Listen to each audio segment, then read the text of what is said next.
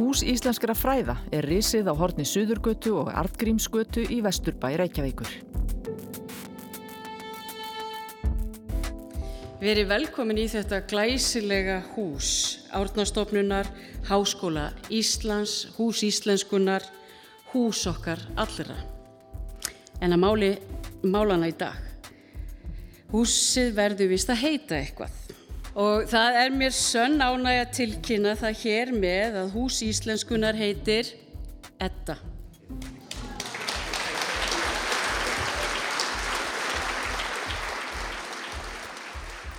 Lilja Alfredsdóttir menningaráð þeirra tók til máls við Víkslu Eddu í beitni útsendingu á Rás 1 síðasta vetrardag.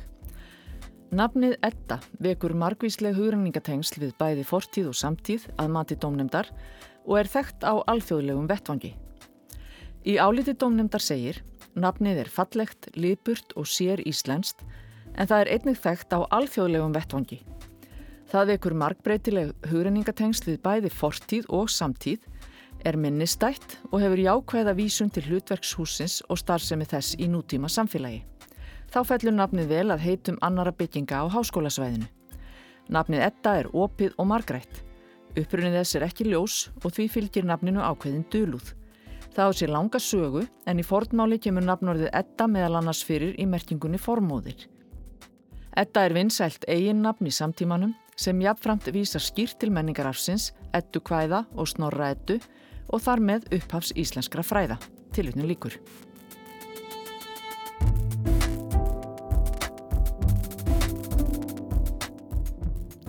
Þetta er orðavorði. Við erum Anna Sigriður Þráinsdóttir og Guðrún Lindberg Guðjónsdóttir.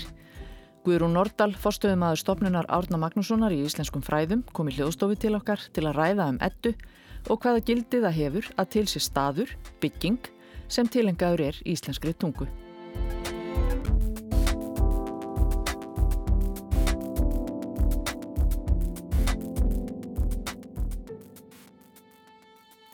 Rifjum fyrst upp forsöguna. Heyrum í Pétri Magnúsinni fréttamanni sem saði svo frá í fréttum Rúf 19. april 2023. Árið 2005 ákvaðu stjórnvöld að verja fétil byggingar hús fyrir starfsemi stopnunar Árna Magnússonar í íslenskum fræðum. Þar deitni að var þetta handrit og önnur frumgögn. Fyrsta skóplustungan var hins vegar tekið nokkru síðar árið 2013 en byðin var alls ekki á enda. Eftir að grafið hafði verið fyrir grunni húsins gerðist að var lítið í um 6 ár framkandir hófust að ný 2019. Við spurðum Guðrún Nordal nánar út í nafn húsins. Það bárust 3500 tillögur eða 3500 manns tók þátt í, í, til, í samkjöfninni um það byrj 1500 ólíkar hugmyndir að nöfnum. Og það kom okkur mjög óvart að því við byggumst kannski ekki við svo mörgum hugmyndum.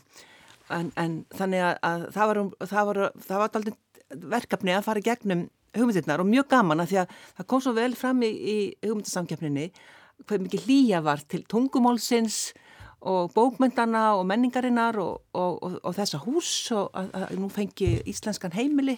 Þannig að það var að við báðum um raukstunning líka, ef fólk vildi svo það var mjög skemmtilegt og uh, þetta var raunar uh, vinsalasta nafnið en það var samt 280 baku það en samt allir hinni líka baku alls konar nöfn svo það var, það var ekki út af því hvað við margir voru bak við nafni sem við völdum ettu heldur bara að það varð niðurstaðan eftir að fara í gegnum þetta vel og vandlega og við erum mjög ána með það.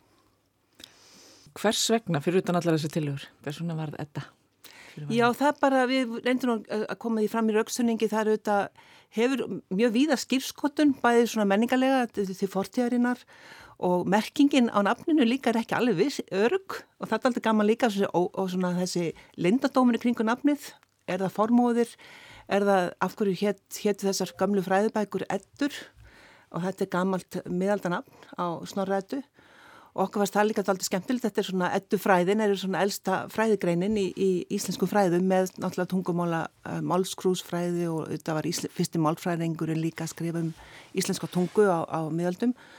Svo það fannst okkur gaman, það er líka skýrskotun út af við, það er þekkt fyrirbæri og, og, og er þjált í nótkun líka og fallegt og þannig að það eru ymsar svona hliðar á því, auðvitað eru mörg önnur uppfalli líka, þannig að, að það er ekki það en þetta var svona niðurstað, við urðum að velja eitt En svo, svo kallast það ágjörlega á við heiti á öðrum byggingum háskólans. Já, raun að gera það þá. Það voru við ekki að hugsa beinilins um en, en auðvitað vildum við gætna að þetta værið þægild í nótkun. Það, þau hafi verið það yfirleitt nöfnin og hefnast mjög vel þannig og og auðvitað vitum við núna auðvitað við, búið að vita svo sem lengi að saga er hann, hótelsaga. Og það var ekki þess vegna, við verðum ekki reyna að kallast á við sögu og ettu ég hafði heyrt þetta nafn, svona, fólki hafi nefnt þetta nafn og ég var hugsa, já, við fáum kannski eitthvað annað, en síðan var þetta ofan á og við erum mjög glöð og við finnum bara fólki mjög ánætt með nafnið strax. Að þú nefndir fyrsta málfræðingin, er ekki eitthvað sem stendur utan á húsinu sem að úr fyrstu málfræðitkirni eða þriðju málfræðitkirni? Fyrstu. Og já, við völdum sko tvo texta utan á húsið og fengum að velja við í, í hátnastofnun og líka okkar kollegar í Íslensku og menningadeildinni við, við hugsaðum hvað, hvað text að fara auðvitað á húsið. Það er nú ekki auðvelt. Og þá, niðurstæðan var það úr fyrstumálsræðikirinn sem við skrifum miða 12 öld eða um það byll fyrsta reytgerinu um íslenska tungu sem er raun og verið að, að skilgrina uh, stafráðið fyrir, fyrir íslenskuna og það er mjög gaman að geta valið texta úr henni. Og hún, alls hér er um einnar tungu. Það vísar í raun að vera íslenskan hluta af tungumálum heimsins. Það verður að tala um ennskuna þarna því það verður að skilgrina íslenskuna alltaf út frá öðrum tungumálum eða, eða stafráðið svo þetta er ekki, þetta er ekki svona að líta tungumáli lokað heldur opið. Og það fannst okkur mjög skemmtilegt. Og líka við þekkjum ekki höfundin þannig að þetta er ekki verið að draga einn höfund fram frekan annan og svo hinn tekstin er úr háfamálum annar svona teksti sem er líka eiginlega omdeldur og, og lík, við þekkjum ekki skáldið. Og þar er að tala um, um að orð leit, svona vaks af orðum svona um þekkingasköpunina eða nýsköpun. Og við vorum líka mjög glöð þegar svo hugmynd kom upp. Þannig að þessi tveir tekstar eru á, á hjúpnum. Og við notum líka bara tekstan eins og hann er í handritinu og í hámálum er það á konusbók ettu hvaða sem henda nú mjög vel og í hinn rítgerinu bara í einu handriti sem reyndar í varfitt í Kaupanhöfn og er ormsbók snorrættu sem er skrifið á um miðja 14. En þetta er svona algjörlega leikil texti í okkar í málfsögu. Svo gaman að geta haft hann og utan húsinu, húsinu. Uh, og þú nefndir einmitt að þið hefðu verið í, hérna, þessir textar hefðu verið valdir í samstarfi við Íslensku menningatelt. Hva, hvaða starfsemi verður í ettu? Já, við erum að samina starfsemi bæði átnastofnuna sem er dreifð, við erum með átnastofnun, fólk hugsa stundum að handvertin bara, það er alls ekki þannig, við erum með, auðvitað með mjög sterkar íslensku, íslensku rannsóknarsvið, bæði orðabókagerð, máltækni, eh, rannsóknir bara á tungumálinu, eh, nafnfræðiransóknir, málfarsráðgjöf og ekki síst íslensku sem annar mál, við veitum styrki eða fyrir hönd ríkisins og og stiðin við íslensku kjenslu Ellendis sem er stórst svið. Og við saminust þarna íslensku og menningadeild eða íslensku deildinni og íslensku sem öðru máli líka í áskólanum og þau koma hérna inn í húsin með okkur. Þannig við myndum mjög uh, þetta heilt rannsókna, kjenslu, nýsköpunar. Þetta er líka reyðlistinn inni. Þannig að við erum að horfa á íslensk fræði í mjög víðum skilningi og vonust til að húsið opni sig fyrir þá, öllum þessum sem eru hafa eiga erindi. Og þá eru við ekki bara að hugsa um þá sem eru Íslendingar af með íslensku sem óðumál heldur ekki síðu þeirra fyrir þau sem eru að læra íslensku sem annað mál og þau finna þarna eru, þarna er miðjan og við erum að búa til eins og hjá orðnástofnun orðabækur, tvímál orðabækur eins og íslensku, nú erum við að vinna íslensk-polska orðabók og íslensk-enska. En höfum gert fyrir öll norrannumálin og frönsku. Þíska er líka í gangi hjá okkur. Þannig að vera að búa til þessi hjálpatæki sem er alveg nöðsynleg fyrir þá sem er að læra tungumálið. Svo verkefnin eru mjög fjölbreytt. Svo ætlum við að miðla, við verum í síningu í húsinu og við erum með bókasapn sem mjög stort rannsóknar bókasapn á átnarsopnun sem við höfum verið að byggja upp frá mörgum árum og 55.000 bækur. Þetta má segja örglega eh, sterkast rannsóknar bókasapn á okkar fræðasviði í heiminum og við fáum alltaf til okkar mjög mikið af, af erlendum uh, fræðmennum til að vinna hjá okkur til lengri eða skemmri tíma og nú koma þeir hérna inn í þennar sammeigilega stað, þennar vettvang þar sem við erum öll saman komin og ég finn það í þessum hópi sem er auðvitað svo dýrmækir sendiherrar okkar, þetta er ofta okkar helstu þýðendur í þessum hópi, okkar bókmynda, ekki bara nútíma bókmynda, þetta er líka miðaldabókmynda, að þau finna að þetta verður líka þeirra samanstæður. Þetta er ekki bara eitthvað hús fyrir okkur sem er að vinna þessu húsi, heldur fyrir þau líka. Og við fundum það náttúrulega líka á opnuninni og opna húsinu sem var alveg stór merkileg upplifun á 12-14 mann sem voru þannig í húsinu þennan dag að þetta er hús fyrir okkur öll. Þetta er, ekki, þetta er hús sem við finnum að, að er fyrir tungumálið, bara fyrir framtíðina og hvernig við ætlum að rækta þennan arf inn í framtíðina fyrir unga fólkið, við ætlum að reyna að taka vel á mótu skólafólki í húsinu og bara opna faðminn. Það er eiginlega, opnun er svona ákveði líkilorð. Sýningin, er það, verður þetta sýning á handréttum? Já, handritin verða, en líka tungumálinu, við erum að, að, að, fletta þessu saman og við erum að vinja að henni núna og hún opnar næsta vor. Þannig við erum núna bara næstu mánuði, tekur ykkur aldrei tíma inn í húsið. Þetta er flókið hús og við erum líka með mikið frumgögnum. Þetta handritin er þetta flóknasta, eh, flóknasti flutningurinn í sjálfu sér en þó að það sé kannski ekki vandamál að flytja, að flytja þau þá er það bara við þurfum að, að stilla geimslur og passa upp allt sér í lægi og við þurfum að gefa okkur tíma til þess. En við erum líka með þetta stóra bókasafn og, og, og þannig við tekur okkur tíma bara að koma okkur inn í húsið, koma húsin í gang almennilega, svo það passar mjög vel að, að opna síninguna að ári. Þá eru við örga allt sem komi í gott lag og við getum tekið vel á móti fólki á síningu og þá bara vonandi líka ferðarfólki sem hefur áhuga að sjá okkar handrit. Og handritin verða því á svona forgrunni sem greipirnir en við erum að reyna að segja sögu sem er ekki alltaf áþreifalega eins og saga tungumáls en þá að hlusta og, og nota aðra, aðra leiðir til að miðla því. Já, handritin hafa nú kannski ekki haft neitt svona, það hefur ekki verið neitt staður þar sem eftir að hafa þau til sínis Nei, mjög lengi, mjög lengi, mjög lengi. það þau voru á, um, um, um, svona 10-15 ári á síningi í, í Safnahúsinu á hverfisköttu uh, þau opnaði síning þar upp úr aldamótum en við höfum ekki haft síningar aðstöðu mjög lengi, það var eitthvað smá skonsa hann í Átnagarði sem var allir fyrir að setja nokkur sín handrit í, í kassa. En það er langt síðan, við höfum notað þá aðstöðu að geta notað hana og bara upp á örgisadriði mm.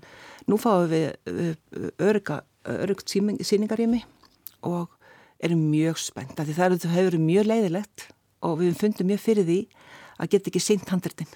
Á síðust árum þegar við erum að fá að fylla uh, landið ferðamannum og fólki sem hefur áhuga að kynast okkar menningu þá er þetta auðvitað vitum það að þetta er okkar uh, fjársjóður sem liggja í handritónum og þau eru auðvitað mjög uh, spennandi gripur að horfa á en þau auðvitað geima þennan mikla arf okkar. Og við erum að reyna að miðla handritónum með, með fjölbreytum hætti bæði efninu handreitagerðinni uh, það er þetta líka myndlist í handreitum tónlist í handreitum þau geima náttúrulega bara uh, uh, svo margt sem við viljum gerðnan geta miðlað á nútímaðlegan hátt og erum að vinna í því núna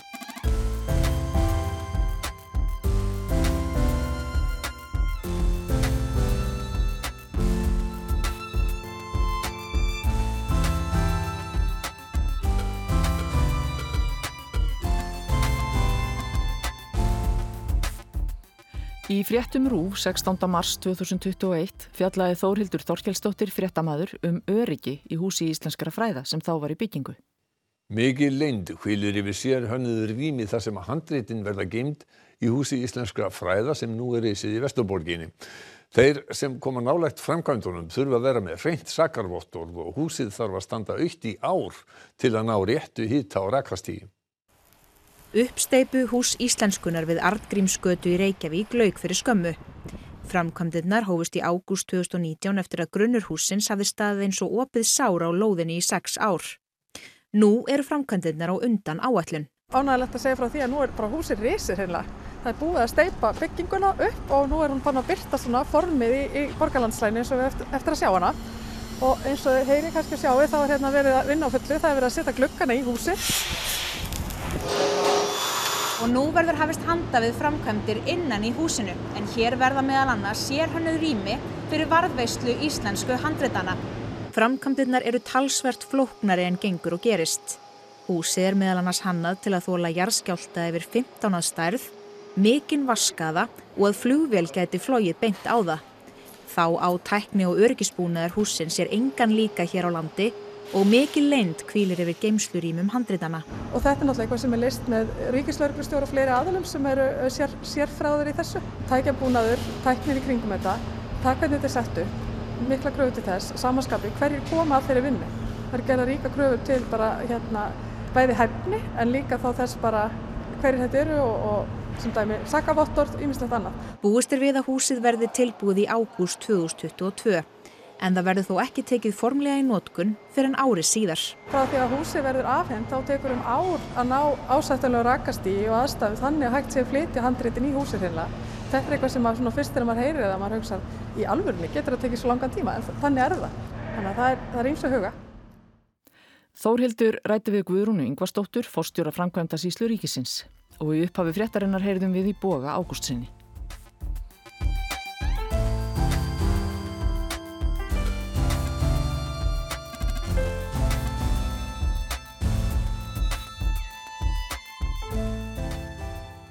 En nú nefndur að handritin flytja úr árnakarði þá veintanlega, þar sem, sem þau hafa haft Já. sitt heimili undarfarnar ára tíu. Já. Uh, við hvaða aðstæður eru, handrit, eru handritin geimt? Þau þurfa alveg sérstakann Já, þau þurfum náttúrulega bara sérstaklega. Þetta, þetta húsið er náttúrulega mjög flóki byggingu vegna þess að við erum með mjög, uh, við erum mjög öflugt öryggisrými í miðjunni, í því húsins og þetta er raun og veru hús í húsi. Það er byggt alveg sérstaklega utan um, um gemsluna og örgisvæðið. Þannig að þau eru, sett, þau eru inn í ákveðinni bara skilgrendir í randilda gemslu sem er, það þarf að stilla hita og, og raka og á, með nákvæmum hætti og við erum núna bara að raun og veru að, að fylgjast með gemslunni, við þurfum að gera það í nokkra mánu og erum getur flutt inn í hana að hún sé örgla uh, stabil og, og á stöðuga stillingu. Þannig að þetta eru auðvitað bara vísindir sem við þurfum að fylgjast vel með og, og, og þarna fáum við alveg mjög nútímalega og fína geimslu og allar aðstæður eru mjög örgar. Við fáum sérstatt sérstaklega handrit að lesa líka, það sem er, er, er öryggistýrður líka og þannig að það verður miklu auðveldara fyrir okkur að, að passa upp á það, að þá hluti í, í nýja húsinu. Þannig að það er, hefur þetta verið lagt mjög mikið upp úr, upp úr örgismálunum. Við hefum haft langa tíma auðvitað til að fara yfir þau aftur og aftur af því það húsau hefur náttúrulega tekið aldrei langa tíma að koma því, e, koma því upp og það hefur líka gefið okkur færa á því að, að fylgjast með og uppfæra ef, ef þörf hefur verið á en það hefur nú eiginlega ekki verið þannig. Við hefum bara fengið svona endurskoðun á, á okkar áallunum alltaf uh, reglulega og þannig að já, þau verða þarna gemdi með mjög örgar og fínar aðstæður. Hafa, hafa, hérna, hefur tæknin breyst og þróast á þessum tíma sem hefur verið beðið eftir húsinu? Það var nokkuð langt síðan grunnurinn var tekinn. Já, einmitt, nei, ekki kannski ekki grunn þallar aðtröðum þessar, hvað, ekki kannski aðstæðnir í geimslinni sjálfri, en það er að gera ríkari kröfu til öryggismála og líka því að það er bara miklu meiri umgangur og miklu meiri umferða fólki heldur en var kannski þegar átnagarði var byggður auðvitað fyrir handrita stopninuna þá og fyrir handritin til að, að því við getum tekið við, við handritónum og það var auðvitað byggð alveg sérstu geimsla þar líka sem hefur gengt hlutverki sínu vel en hún var náttúrulega ekki byggð inn í svona öryggisrými þannig að nú getum við miklu meira stýrt þessum aðgangi og passað upp á, á ymitt flæði fólks í kringum mm. hana þannig að það skiptur okkur miklu mál og líka að, geim, að, að að handrita síningin sé innan þessa örgisvæðis. Það er líka mjög mikilvægt. Þannig að við þurfum ekki að taka handritin út af síningu og setja þið í geimslu á hverju kvöldi. Það verður þarna örgisrými sem handrita síningin er í. Og þetta er allt bara auðvitað hefur auðvitað mörgu fleikt fram eðlilega á 50 árum sem hefur liðið frá því að átnagarður var byggður. En nú bara horfum við til framtíðar. Þetta er geysilega mikil tæki bara fyrir uh, íslenskuna og fræðasvið að fá þetta hús. Við finnum líka bara að þetta er ákveðin yfirlýsing um að íslensk tunga og bókmyndir skipta okkur máli. Að þarna er sínileiki, þarna er á tungumáli heima. Ef svo má segja, auðvitað á það heimi hjörtum okkar allra og okkar sem tölum tungumálið En, en bara þarna eru, þarna er svona þetta, þetta stóðkerfi, við erum með bókastafnin sem segi, við erum með fræðumenn sem vinna við rannsóknir og ráðgjöf og, og auðvitað líka við þessa nýsköpun sem skiptir svo miklu máli bæði að skrifa nýja teksta, skálskap eins og í rýtlistinni en máltaknin líka, við erum með mjög öfluga máltakni deilt og nú getum við þetta aldrei unni miklu betur saman með Háskóli Íslands, nú komist, komum við þarna saman í sama húsi. Og þið vitið að húsnæði skiptir í mjög miklu máli það gerir það og þannig er við með mjög opið hús, það er mjög bjart og flæðra, flæðandi byrtanum á húsið þannig við hefum mjög mjög aðstöð til að vinna saman og samstarf bæði innan hús en ekki síður við þá sem við verðum að vinna á fræðasviðinu utan stopnunar og að þeir finna þetta sé húsi þeirra líka. Og það er verið að vinna rannsóknum á íslensku máli fyrir nýju út um bara vít og breytt um heiminn. Það er nefnilega það og við höldum utanum, höfum haldið utanum uh, það, stopnum Sigur og Nordals áður sem var svo, var svo hluta af 18 stopnum þegar þessar stopnarnir margar á sviðinu komið saman 2006. Að halda utanum og rækta þetta fólk sem er að vinna alveg geysilega merkilegt rannsóknastarf, en auðvitað líka kennslustarf og miðlunastarf og eins og ég segði þýðingastarf og, og þetta fólk sem er að kenna íslensku sem annar mál er alveg gríðarlega mikil, mikilvæg sendiherrar fyrir okkar, okkar bara menningu og bókmyndir og eins og, ég sagði áður við myndum ekki geta flutt út okkar bókmyndir ef við hefðum ekki fólk sem lærði íslensku. Íslensku sem annar mál sem fræðigrein og líka sem rannsóknar sem hefur verið að byggjast mjög upp við háskólan og við hefum stutt á átnástofnu við það meira við kennsluna Erlendin sem líka við Icelandic Online. Þetta, þetta frábæra kennslu, kennslu efni sem er opið á netinu að þetta er eitthvað sem við verðum að hlúa miklu betur að og við hefum haft, það verið umræðað mjög mikil auðvitað síðust ár hvernig við kennum þeim sem koma til landsins íslensku gefum kleift að gera það með auðvöldum hætti þannig að það heldur kostið á ekki uh, peninga, heldur við stiðjum við það svo mikilvægt að koma, í, koma fólki inn í tungumálið og þarna viljum við gera okkar besta til að stiðja við þetta starf og við, fyr, við erum strax farin að tala um það hvernig við getum gert betur en þá betur þarna til að vinna með þeim sem eru fyrir utan, sem eru að kenna auðvitað íslensku víða uh, sem annar mál út í samfélaginu. Svo að já, þarna eru bara greiðalegt tækifæri en, en þetta er bara verkefni sem eru auðvitað alltaf að breytast, við þurfum auðvitað aðla okkur að þeim áskorun sem eru bara alltaf að, að ný, ný, nýjar áskorun sem verða auðvitað bara eftir því sem samfélagið stekkar og kannski verður flóknara og alþjóðleira og, og mjög spennandi verkefni sem framöndan eru. Þannig að í ettu mætist gamalt og nýtt og það er svona kannski svolítið leikið latriði. Já, eins og ég sagði þetta, það er ekkert síð, það er það sem skipt svo miklu máli að við skiljum. Það er þetta, þetta samhengi er mjög spennandi líka að reyna að miðla því alveg frá fornu til nútíma en, en til dæmis á átnástofnun við erum með aðlar rannsóknir á nútímamálinu þar. Við erum með unlingamálið ein, sem er rannsaka unlingamálið, við erum auðvitað að gera þessa miklu fínu orðabækur sem eru auðvitað að vera að rannsaka þungumálið þá um leið. 19. aldar mál líka, svona setjum tíma mál og, og svo framvegist þannig að við erum auðvitað, og málteknin sem eru auðvitað byggir á rannsóknum hjá okkur, þannig að, að þetta við erum auðvitað að, að, að sinna nútíumálinu og, og það eru þetta alveg líkilatrið allt sem við gerum byggir á rannsóknum og, og þekkingasköpun. Við sem að, að endur skoða okkar þekkingagrunn. Og þegar við aftur komum saman í húsinu með okkar kollegum á, á, í deildinni sem eru auðvitað okkar samstagsmenn í, í dag þá, og líka við, með nefnundum doktorsnefnum og nýdoktorum sem er að vinna þar þá verður auðvitað með öflugur hópur sem vinnur saman á sama stað og heittist daglega og þetta, ég heldur sjá mig ekki alveg fyrir hvað þetta verður mikið sprengja. Ég, ég skinnja bara strax þessu spreng. Fólki fara núna í það í skinnun eftir að fara að tala saman öðruvísu um þessi mál. Og auðvitað eh, er skrítið kannski að segja því fólk segir nú er þetta ekki búin allir verið í Reykjavík?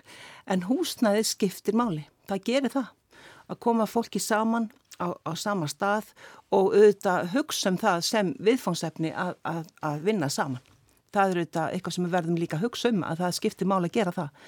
Og, og, og, og líka að laða það að okkur fólk eins og við höfum auðvitað gert all, alla tíð frá, utanfrá inn. Og við líka fara út þannig að Já, það, það er nútíðamálið að við erum að tala hér um íslenskuna í dag að það eru þetta það sem við erum að sinna alla daga. Og það leita til okkar mjög mikið af fólki hverjum degi til að fá auðvitað ráðgjöf en ekki endilega að segja bara skipa fyrir hvað á rétt og rámt heldur er æðan tungumálið þetta er auðvitað tungumál og, orð, og, merking orða og tungumálið eins og við vitum er á reyfingu á, á hverju meinasta degi og, og þannig að þetta er þetta samhengi líka sem skiptir máli. Að líka hugsa að það skiptir máli líka að, að halda auðvitað um tungumáli í síni floknustu og fjölbrytissu mynd að því að það, við tölum ekki öll sama tungumálið. Og við, við mismunandi skilskotanir í okkar bæði uppel, málfars uppeldin líka okkar bara hvernig við erum og hver, hver við störfum. Og við til dæmis erum með mjög öflut íðarðastarf höldum auðvitað um nýsköpun tungumálsins þar. Að vera að að þýða eh, á íslensku ný hugtök á ólíkum fræðarsviðum eða jafnvel bara á okkur um yðngreinum og, og, og, og hverju sem er sem við þurfum að hugsa, hvernig við að hugsa á íslenskum nýja hluti.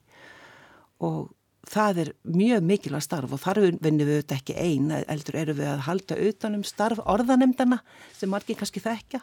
Og það eru bara að það spretta upp orðanemdir bara í ólíklegustum hópum að því fólk vil ná utanum hugsun sína á íslenskunni, jafnvel þó við auðvitað verðum og, og þekkjum auðvitað ellentungumál og þau eru auðvitað já, mikilvægt að við lærum þau þá verðum við að, að, rækta upp þennan orðaforða í, í, á íslenskunni. Og þetta er ótrúlega spennandi uh, svið.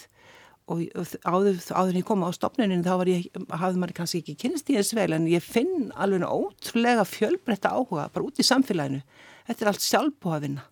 Þetta fólk er ekki færið borga fyrir að vinna þessa vinnu.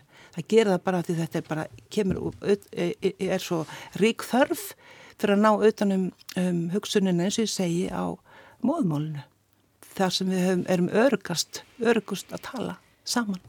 Á þetta eftir að ebla námsgreinina laðar þetta að fleiri nefnundur?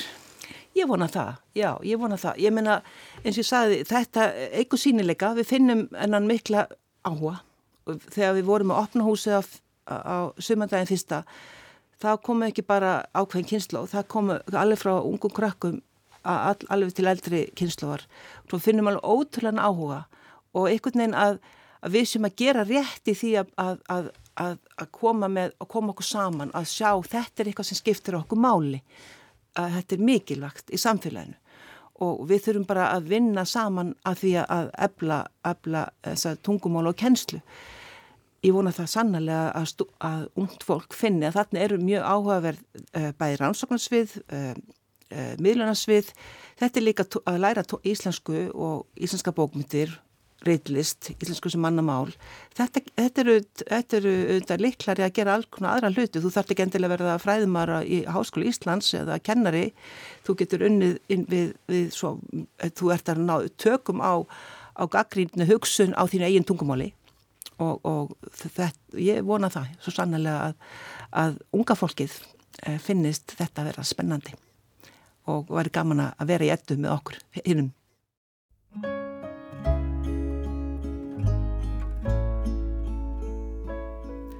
Þú varst að hlusta á orðavorði. Við rættum við Guðrúnu Nordal, fórstöðumann árnastofnunar um ettu hús Íslenskunar. Teknimaður var Lítja Gretastóttir. Við ljúkum þessu á læginu Orðin mín, lag og texti eru eftir Braga Valdimar Skúlason, Sigurður Guðmundsson og Memphis Mafian flytja. Anna og Guðrún hvaðja. Einhver tíman ef til vill og óra lán frá þessum stað. Mun ástinn hörfa heim til því og hjartan styrum knýja að. Og innmitt þá og innmitt þar mun ástinn krefja þig um svar. Og þá er rétt að rifja upp orðin Þau eru styrð, þau eru fá, þau sjálfsagt aldrei flögin á. Þau munu engað síður alltaf býða þín.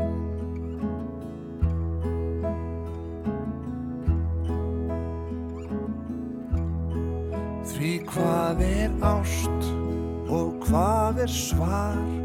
Og hvernig geimist allt sem var? Mundað hvar sem hjartað slær. Hamingjan er oftast nær.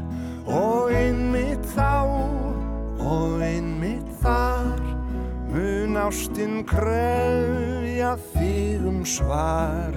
Og þá er rétt að rifja upp orðin mín. Þau eru styrð þau eru fá þau sjálfsagt aldrei flugin á. Þau munu engað síður alltaf býða þín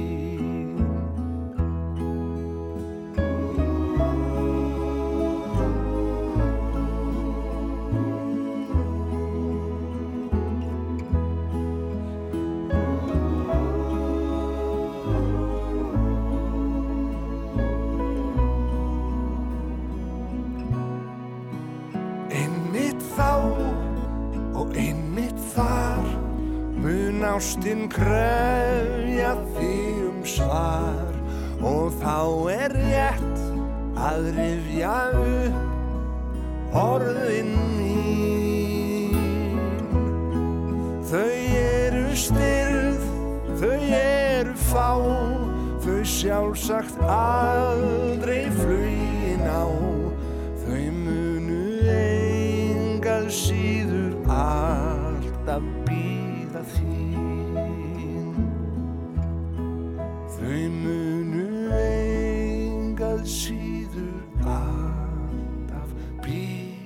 síður alltaf býða þín